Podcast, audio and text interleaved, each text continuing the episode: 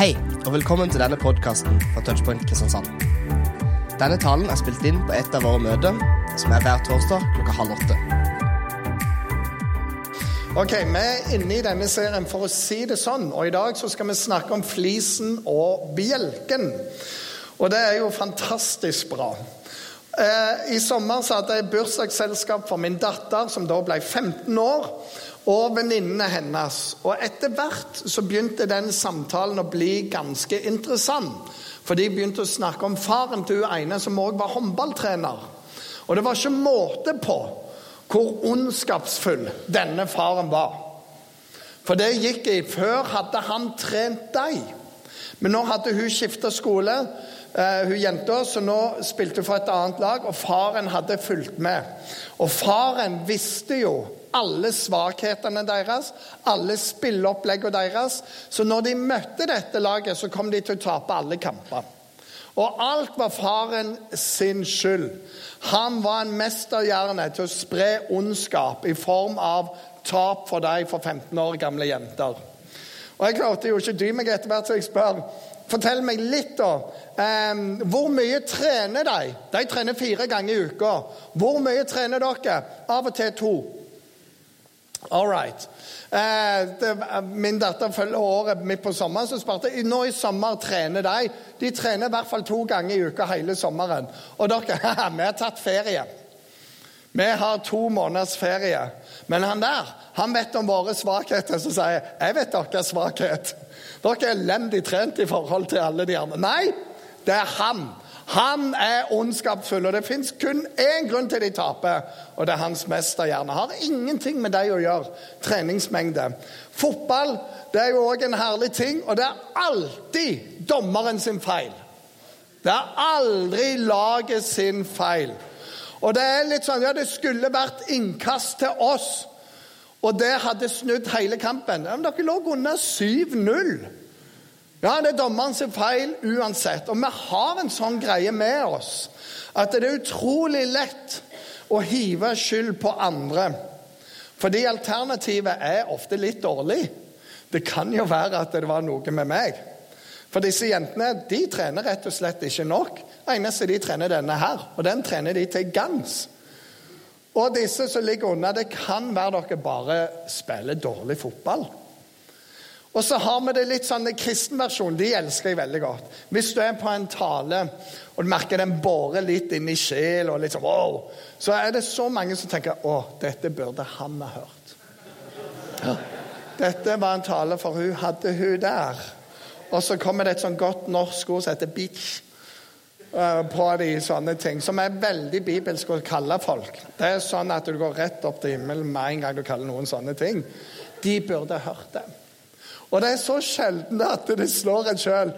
Ja, den der traff meg midt i planeten. Jeg trenger å gjøre noe. Nei, de andre, de trenger det. Jeg syns en annen versjon er veldig bra. Det er denne her. Folk får bare tåle meg sånn som det jeg er. De får bare ta meg sånn som den er. Men du skulle sett hun der. Jeg tåler henne ikke. Sånn som hun oppfører seg. Så, du ba jo nettopp alle andre om å tåle deg som du er. Da må vel du tåle Nei, sånn tåler vi ikke. Sånn skal ingen tåle, men de får tåle meg sånn som jeg er. Og Det er alltid noe sånn rart med dette her. Og Jesus han går jo rett inn i dette. Og dagens, for å si det sånn, det handler altså om flisen bjelken. Teksten er som følger. Døm ikke så mye for fotballdommere, for at dere ikke selv skal bli dømt. For dere skal selv dømmes etter den dom dere feller over andre. Og Det er jo veldig bra, for noen lever opp til dette og ikke dømmer de andre. Ja, Hva syns du om de? Så vet du at det senere skal du bli evaluert i noe, som foredrag eller noe. Ja, veldig bra. Ja, det var veldig, jeg fant ingen feil. Og så please, si det samme meg. altså. Det er jo ikke det det er snakk om. Ok, Døm ikke for dere ikke sjøl skal bli dømt, for dere skal dømmes etter den dom dere feller over andre. Og det skal måles opp for dere i det mål dere sjøl bruker. Hvordan ser du flisen i din brors øye, men bjelken i ditt eget legger du ikke merke til? Din hykler. Ta først, Dette Jesus, det er ikke meg. Ta først bjelken ut av ditt eget øye. Da først vil du se klart og kan ta flisen ut av din brors øye.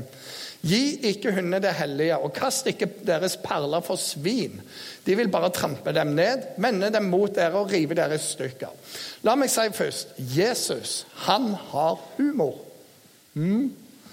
For eh, i den kulturen der så er noe av humoren å ta bilder som bare pff. av, Har du hørt om kamelen som skulle gå gjennom nåløyet? det går jo ikke an! Og samtidig Og du har et poeng. Så Jesus, hver gang han bruker sånne sinnssyke overdrivelser, så er det med sånn Hey, det var kul, eller? Samtidig så sitter jeg Å, ikke kult i det hele tatt, Jesus. Vi tok poenget her. Men det er med humor. Flis i bjelke, vet du. Alt det samme. Du ser for deg han der som står med den og bare boom inn i øyet. Og samtidig Jeg skjønner det er noe poeng her jeg ikke ser. Så han bruker humor. Vi skal gå litt gjennom dette. Døm ikke. Mm -hmm. Mm -hmm. Det er det jeg alltid har sagt. Og vet du hva? Han typen min. Han er sånn dømmende, han. Han er sånn hele tida, så går han igjennom. Mm, 'Se her.' Og han syns noe om det. Jeg kan bare si jeg finner meg ikke i det. Han dømmer. Ja. Så Hva er det du holder på? Du dømmer jo hele typen din. Problemet når du ikke skal dømme noen og kommentere de som dømmer noen, så dømmer du jo de som ikke skal dømme noen, og dermed så dømmer du òg. Og dermed det blir jo dømt. Alt herrene. Det er ikke det teksten mener. Det er lov å ha meninger. Det var en kristen komiker som satt disse versene vi nettopp har lest, litt i sammen for å illustrere at Jesus aldri sa at vi ikke skulle kunne gjøre noe. Se på dette her. Det står 'Døm ikke for at dere ikke skal bli dømt'. Og så bare blar vi ned. Gi ikke hundene Vi snakker ikke om mennesker. Vi snakker, jo, vi snakker om mennesker, ikke dyr. Gi ikke hundene det hellige, og kast ikke deres perler for svin. Og svin var et av de verste dyrene du kunne tenke deg. Herodes blir kalt for den reven. Si til den reven. Og fariseerne, de skriftlærde Jesus pleide jo å herje litt med de, kalte han Og de der hvitkalka gravene der. De der ormeyngler. Han bare, Jesus hadde en sånn forkjærlighet for å kalle folk med dyrenavn. Men det var ikke helt sånn Disney. Bambi. Det var liksom de verste dyra han kunne finne. Og så bare boom, Der har du det passet på skrevet. 'Jesus, du skal jo ikke dømme folk, for du har sagt det sjøl.' Jeg forstår ingenting her. Må vi ikke mene med noen ting? Hva er det? Og her er greia Jesus elsker mennesker. Han elsker deg, og han elsker meg. Han elsker oss så høyt at han faktisk valgte å dø for oss. Ble torturert for oss. Det er ingen tvil om at Jesus elsker mennesker. Det Jesus ikke tålte, det var denne religiøsiteten som folk bar med seg. Og Når han sier 'dømme' her, så mener han dømme syke. For det som skjedde, det var at disse eh, lederne, disse åndelige guruene, da nåtidens pastorer og teologer, brukte all sin tid på å leve rettferdig. Se her, jeg gjør ingen synder, jeg. Men der gjorde du en, og der gjorde du en. De brukte så mye tid på å bli selvrettferdige for Gud. Og så mye tid på å trykke alle andre ned og si 'der gjorde du feil', 'der gjorde du feil', 'der gjorde du feil'. Og du vet, Hvis du er i et sånt et miljø, så har du det ikke særlig bra. Jeg er vokst opp litt sånn, med en far som pirka borti absolutt alt. Kunne ikke dy seg. Det er en dømmesyke. Ja, men se der, da. Ja, men se der, da. Måtte bare kverulere. Måtte bare si ifra. Og det er det Jesus tar for seg. Folk med en dømmesyke. Du leter etter feil. Fordi du sjøl er jo så bra. Da, det er der han sier 'døm ikke'. Ikke hold på med å peke fing mot folk, for det er stygt. Og det bryter folk ned. Ikke leit etter det. Jeg syns det er herlig å være på en plass eh, som touchpoint. Fordi vi har sykt bra sang og musikk her. I dag var det gamlismusikk. Det var U2. Jeg sa til møteleder Jens Christian, han leder hele Touchpoint, jeg sa i dag burde de ha skrudd ganske mye mer opp, men han syntes det var høyt nok. Det er liksom forskjell på god musikksmak og dårlig musikksmak. Men jeg lever med det. Jeg dømmer han ikke. Jeg dømmer ikke han, jeg er glad i han. Ok. Men det som alltid følger med, det er musikkpolitiet. Og dere vet hva musikkpolitiet er. Det er de andre som synger og spiller, som ikke står på scenen, og som tenker et eller annet sånn rart at hvis jeg bare sier nok dumt om de andre, så blir jeg veldig bra. Nei, jeg synger ikke så bra. Nei. Litt mye vibrator på stemmen for min smak, altså. Må si det. Nei, jeg syns ikke den pitchen satt helt sånn som den skulle, altså. Ja, nei, jeg hørte den forsterkeren. Jeg, vet du, jeg valgte å kjøpe en annen forsterker til min gitar. For du får liksom en annen sound, og spesielt hvis du har en Stratocaster. Nei, jeg ville aldri Det er en litt sånn rar kombinasjon, men jeg bare tilgir det i Jesu navn. Og så er det sånn, Teknikere kan òg ha sånn Kommer du sånn Wow, hører du den sounden? Ja, jeg hører. Det er nok en etterklang på to sekunder her i dette bygget. Ja, jeg kan nok høre frekvensen, den der lille greia der oppe. ja. Mm, jeg merker det er litt sånn irriterende, men jeg, jeg skal ikke si det til dem. Jeg hever meg over det. Jeg skal bare si det til alle andre. Og så er det et eller annet med oss som misunner. Og som på en eller annen måte Du blir ikke bedre av å si dumt om de andre. Og Jeg har en oppfordring til alle musikkpoliti og alle teknikerpoliti. Det er leit etter det gode hos de andre. Og finn det du kan skryte av. Og når du sier 'wow, det var veldig bra' Husker jeg har spilt mye sjøl. Husker En gang kom en bort til meg og sa du, jeg hørte dere at jeg spilte inn noe. Så gjorde du en overgang der. Det var steinbra. Resten var ræl. så kan du vise meg den overgangen? Jeg har lyst til å lære. Så. Selvfølgelig. Ja, så er du plutselig buddy istedenfor en trussel. Men musikkpoliti og teknikerpoliti de er bare amatører som tror de blir bedre av å trykke andre ned. Og Det er du i livet òg når du holder på sånn. Så har du det ikke godt med deg sjøl siden du må trykke de andre ned. Når du begynner å heie på folk, lete etter det gode, da skjer det noe. Døm ikke. Og du blir dømt etter det som eh, du sjøl dømmer andre etter. Jesus han viser noe av denne herren ikke døm. Når det kommer en gjeng med folk som har hele vedet på teologien, og de tar med denne dama som er grepet i hor, kaster ned for beina på han, og så sier han, 'Nå, Jesus, hva sier Moseloven at vi skal gjøre? Men hva sier du? Skal vi steine henne, eller?' For det var sånn i loven at hvis ei dame hadde sex utenfor ekteskap, så kunne hun steines til døden. Mennene de hadde det mye greiere. Så, hva mener du, Jesus? Og så er saken at de bryr seg ikke om hun. De bryr seg om å ta Jesus. Med og potensielt De er villige til å steine hun til døde for å finne noe å anklage Jesus på. Ingen kjærlighet. Det er bare et hat inni der. Og de har tenkt dette er det mest perfekte. For hvis han sier dere skal ikke steine den dama, da er han nådefull, men setter Guds ord ut av kraft. Og hvis han sier at dere må steine, sånn som Moselov har påbudt, da viser han ingen kjærlighet, ingen nåde. Sånn. Sjakk matt på Jesus. og så er det jo bare noe med Jesus som er annerledes. Og av og til når folk krever deg enten sånn eller sånn eller sånn, eller sånn, så det er ikke alltid du trenger å svare sånn. Han svarer ingenting, så de blir hissigere. Og til slutt så sier han, 'Den av dere som er helt uten synd, vær så god, bare kast i vei.' Og Det var ikke svaret de hadde venta seg. Og de går den ene etter den andre. De eldste først, for de har mer IQ enn de unge. Jeg har levd lenge nok til å bevise at det er ikke sant. Men anyway så går det til slutt så er Jesus alene med denne dama, som antageligvis er rimelig splitters naken der hun ligger. Hun er livredd. Hun har blitt Alle vet hvem hun er. Hun er til spott og spe, og hun frykter fortsatt for livet sitt. Og Han spør henne bare var det noen som dømte deg her. Var det noen som fordømte deg? Så nei, ingen gjorde det. Og så kommer Jesus med det frigjørende. Heller ikke jeg fordømmer deg.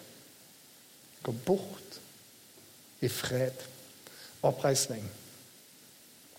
Så, hvis vi drar opp det verset Det står i Johannes 8, dette her.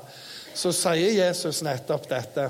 Den av dere som er uten synd, han kan kaste en første stein. Og det er noe til oss når vi er ivrige etter å ta de andre. Vi har lov å plassere ting, vi har lov å mene ting. Men dømmesyke det må vi holde vekke ifra oss og fra hverandre. Eh, og Så tar Jesus dette videre. da, og Det er jo her vi egentlig kommer inn i teksten når vi snakker. For å si det sånn, det er når han drar dette bildet. Hvorfor ser du flisen i din brors øye, men bjelken i ditt eget legger du merke, ikke merke til? Eller hvordan kan du si til din bror La meg først ta flisen ut av øyet ditt, når det er en bjelke der i ditt eget. Oluf, han Oluf vet du, fra Nord-Norge, han sa alltid 'jaså'. Du ser flisen i bjelken, men din bror tør du ikke se i øyet. Og etter det så har dette bibelverset vært ødelagt for meg, for det er alltid det jeg husker. Og jeg syns det er noe herlig. sant? Du vet, Hvis du er ute på en flytur, så sier de alltid Hvis trykket i kabinen kommer til å falle, så kommer noen oksygenmasker ned. Sett det på alle de andre og se om du klarer å overleve til du sjøl får satt det på deg sjøl. Nei, de sier ta det på deg sjøl, da klarer du å holde hodet kaldt og kan hjelpe andre. Begynn med å hjelpe deg sjøl, og det er jo det han sier her. Som voksen så syns jeg jo det er litt hyggelig å, å se på politikere i Norge. For det er jo fantastisk hva som skjer nå. Folk er så enige med hverandre i partiene at det er helt enormt for tida. De er enige om alt. I alle partier. Og hvis de kommer med noe og sier alle bør sykle, så sykler de sjøl hele tida. Her i Kristiansand så var det en politiker som sa ingen bør kjøre mer til sentrum. Det bør være bilfritt.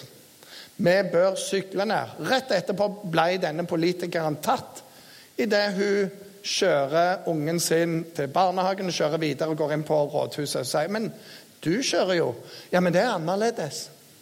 For jeg har en barne, unge som skal i barnehage. Det teller ikke.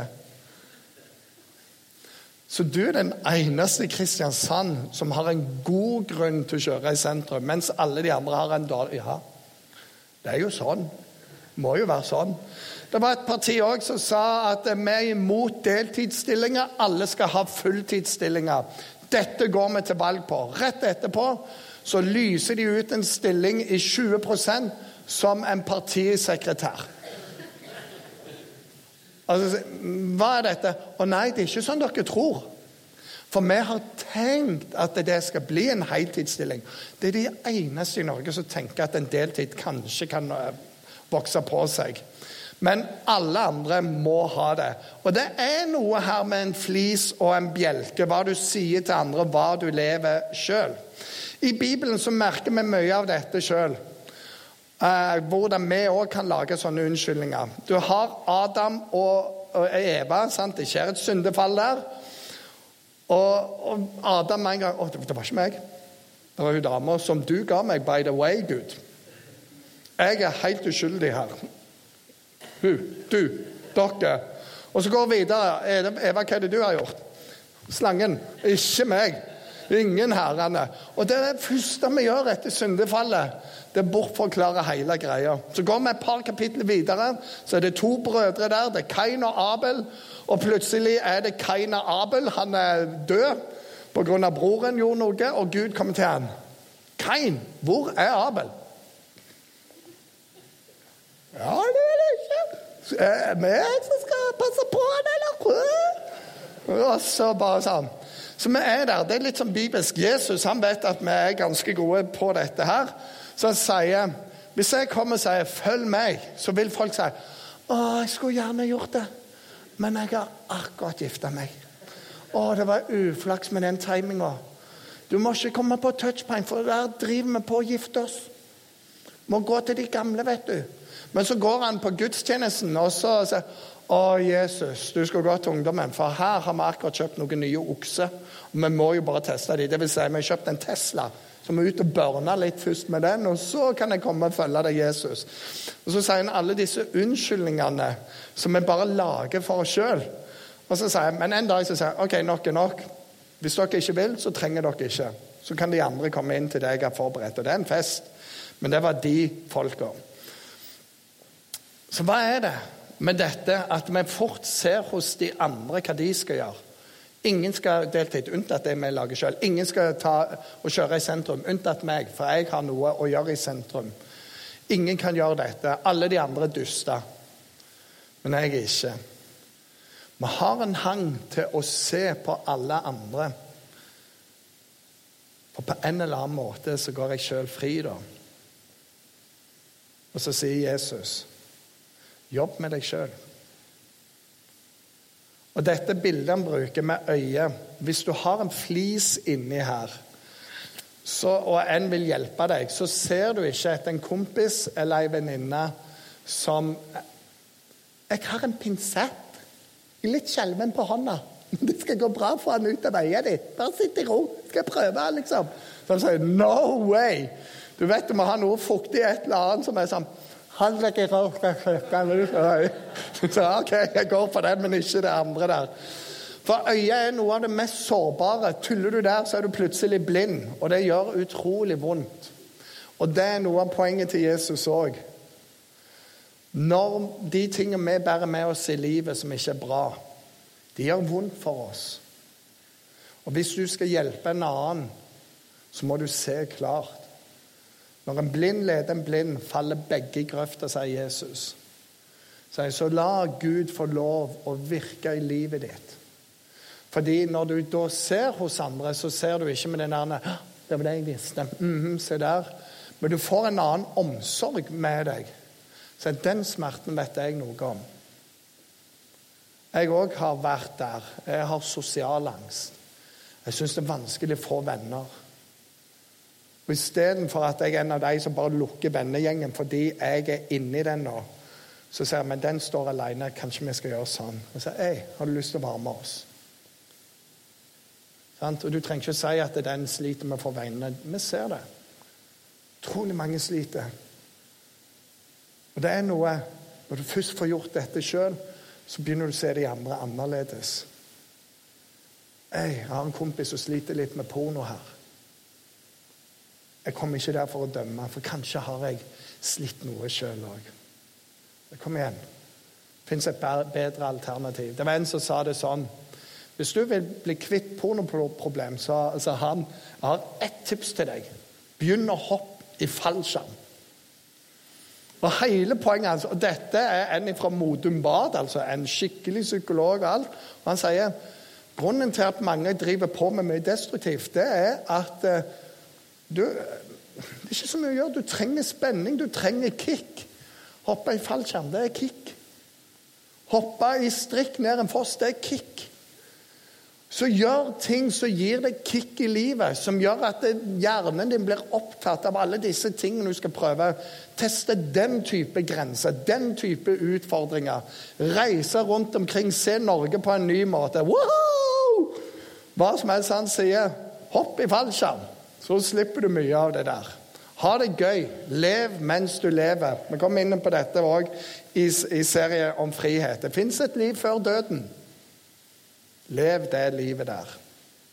Få deg kicker. Når vi våger å ta ut og la Gud jobbe der, og la andre mennesker få se inn i vår smerte, så møter vi andre med en annen ydmykhet. En historie som jeg har fortalt mange ganger her. Det er Jesus sin beste venn. Han var Peter. Han var den nærmeste han hadde. Jesus sa alt til ham. Og rett før Jesus dør, så sier han Peter, bare så du vet det, du kommer til å fornekte meg. Du kommer til å fornekte at du kjenner meg. Du kommer faktisk til å banne og steike på at du aldri har møtt meg. Så Hva feiler deg, Jesus? Aldri i livet? Så sier jeg, du kommer til å gjøre det, Peter, bare så du vet det. Og så aldri. Og de andre var der òg, så det var rimelig pinlig for eh, Peter. Så hun sa om alle de andre hørende gjør det, så skal ikke jeg gjøre det. Så, men du gjør det. Men når du en gang vender om Peter, så skal du styrke de andre. Og Jeg tror Jesus måtte si det til ham, for han visste at det fallet til Peter inni han var så stort. At for Peter sjøl ville det være vanskelig å komme tilbake og si en dag så skal du styrke folka. Bare husk det, du skal styrke alle de andre her. Fallet trenger ikke være det største. Fallet trenger ikke være det som definerer deg mest. Det kan være det som Gud gjør i ditt liv, som kan få lov å definere deg mest. Og etter oppstandelsen så møter Peter Jesus igjen. Og Peter hadde bandt og steik på at han ikke kjente Jesus. Og Han visste at Jesus visste det, for idet han sier det for siste gang, så ser Jesus han og bare sånn oh. Og så bare møter Jesus ham med en utrolig kjærlighet. Og så sier han, 'Peter, elsker du meg?' Så han bare ja, du vet, jeg har deg kjær. Så han klarer ikke helt det. Men Jesus møter han tre ganger og reiser han opp igjen. Det er denne her med varsomhet, med kjærlighet. Og det som skjer med Peter etterpå, det er at han blir en av de største lederne Kirken noen gang i historien har sett.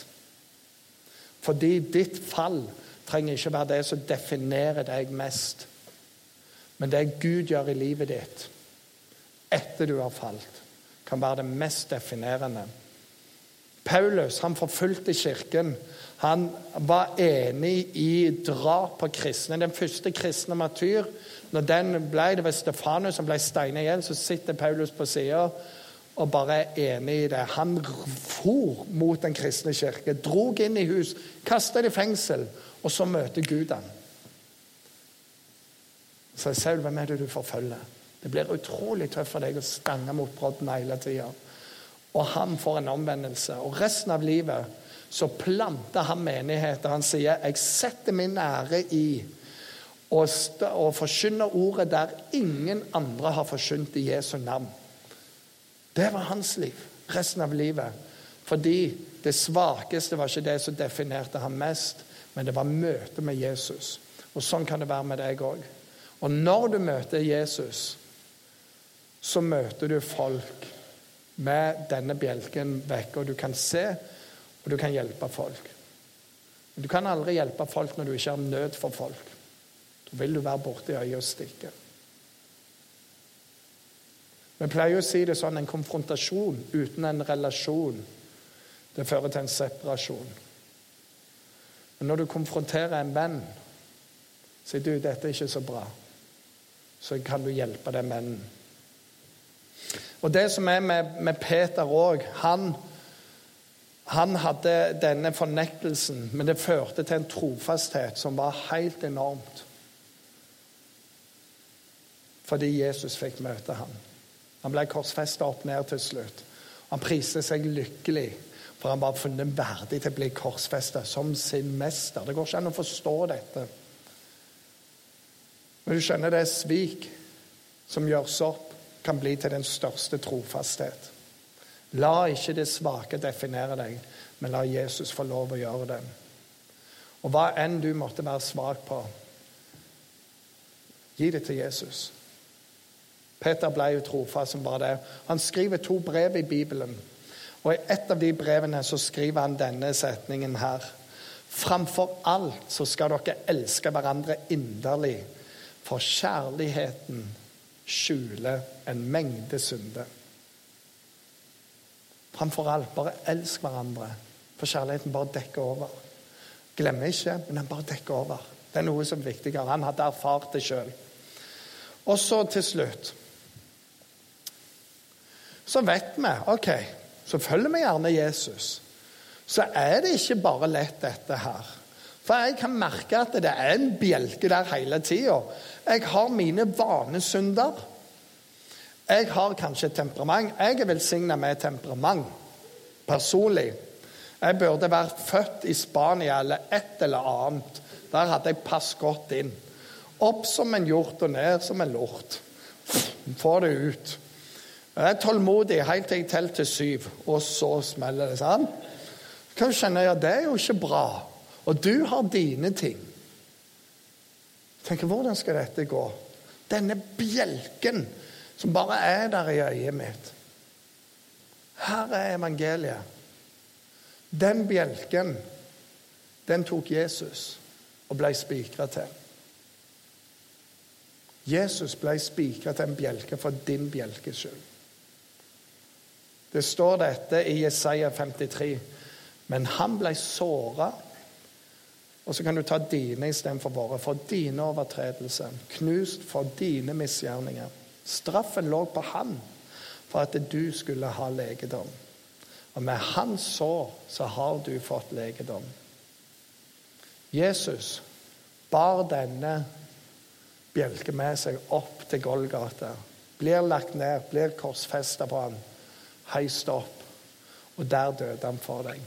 Og så står det i Galaterbrevet han kom under forbannelse for at hvert menneske som er under forbannelse, skulle gå fri. Det er du og meg. For det står skrevet 'forbanna er den som henger på et tre'. Han kom under forbannelse for vår skyld. Så denne bjelken som du og meg ikke klarer sjøl, den tok Jesus. Og evangeliet det rommes i dette ordet. Kom. Kom. Bare kom med alt du har. Ikke pynt på det. Kom. Kom til korset. Det er en nydelig eh, sang som sier så kom til Jesus. Kom til Jesus. Fly til Jesus. Så vær hos Jesus. For der er friheten. Skal vi be sammen? Og mens jeg ber, så vil jeg bare si ta imot Guds nåde. Ta imot Guds godhet for deg. La ham få lov å komme inn. Og kom tilbake på søndag klokka 11 og de fire neste søndagene. For jeg tror mange skal bli helbreda. Mange skal bli satt i frihet. Tenk om du er en av de. Himmelske Far, jeg takker deg for dette fantastiske evangeliet. Takker deg for Jesus, den humoren han har, som har så mye alvor i seg. Ja, det er så lett for oss å dømme andre fordi vi Det er så lettere å ta andre enn å se innover oss sjøl. Men må du hjelpe oss, Herre, først og fremst å fly til deg. La du få lov å ta alt det vi bærer på, sånn at vi kan bli fri. Og må du hjelpe oss å se menneskene rundt oss med din kjærlighet. For kjærligheten dekker over en mengde synder. Jeg takker deg for vi kan plassere ting, men vi kan ha din kjærlighet til menneskene som er rundt oss. Hjelp oss, Herre, sånn at du får helbrede våre sår, våre mangler, det vi bærer på. Sånn at vi kan igjen være til helbredelse for de som er rundt oss òg. Jeg ber om det i Jesu navn. Amen.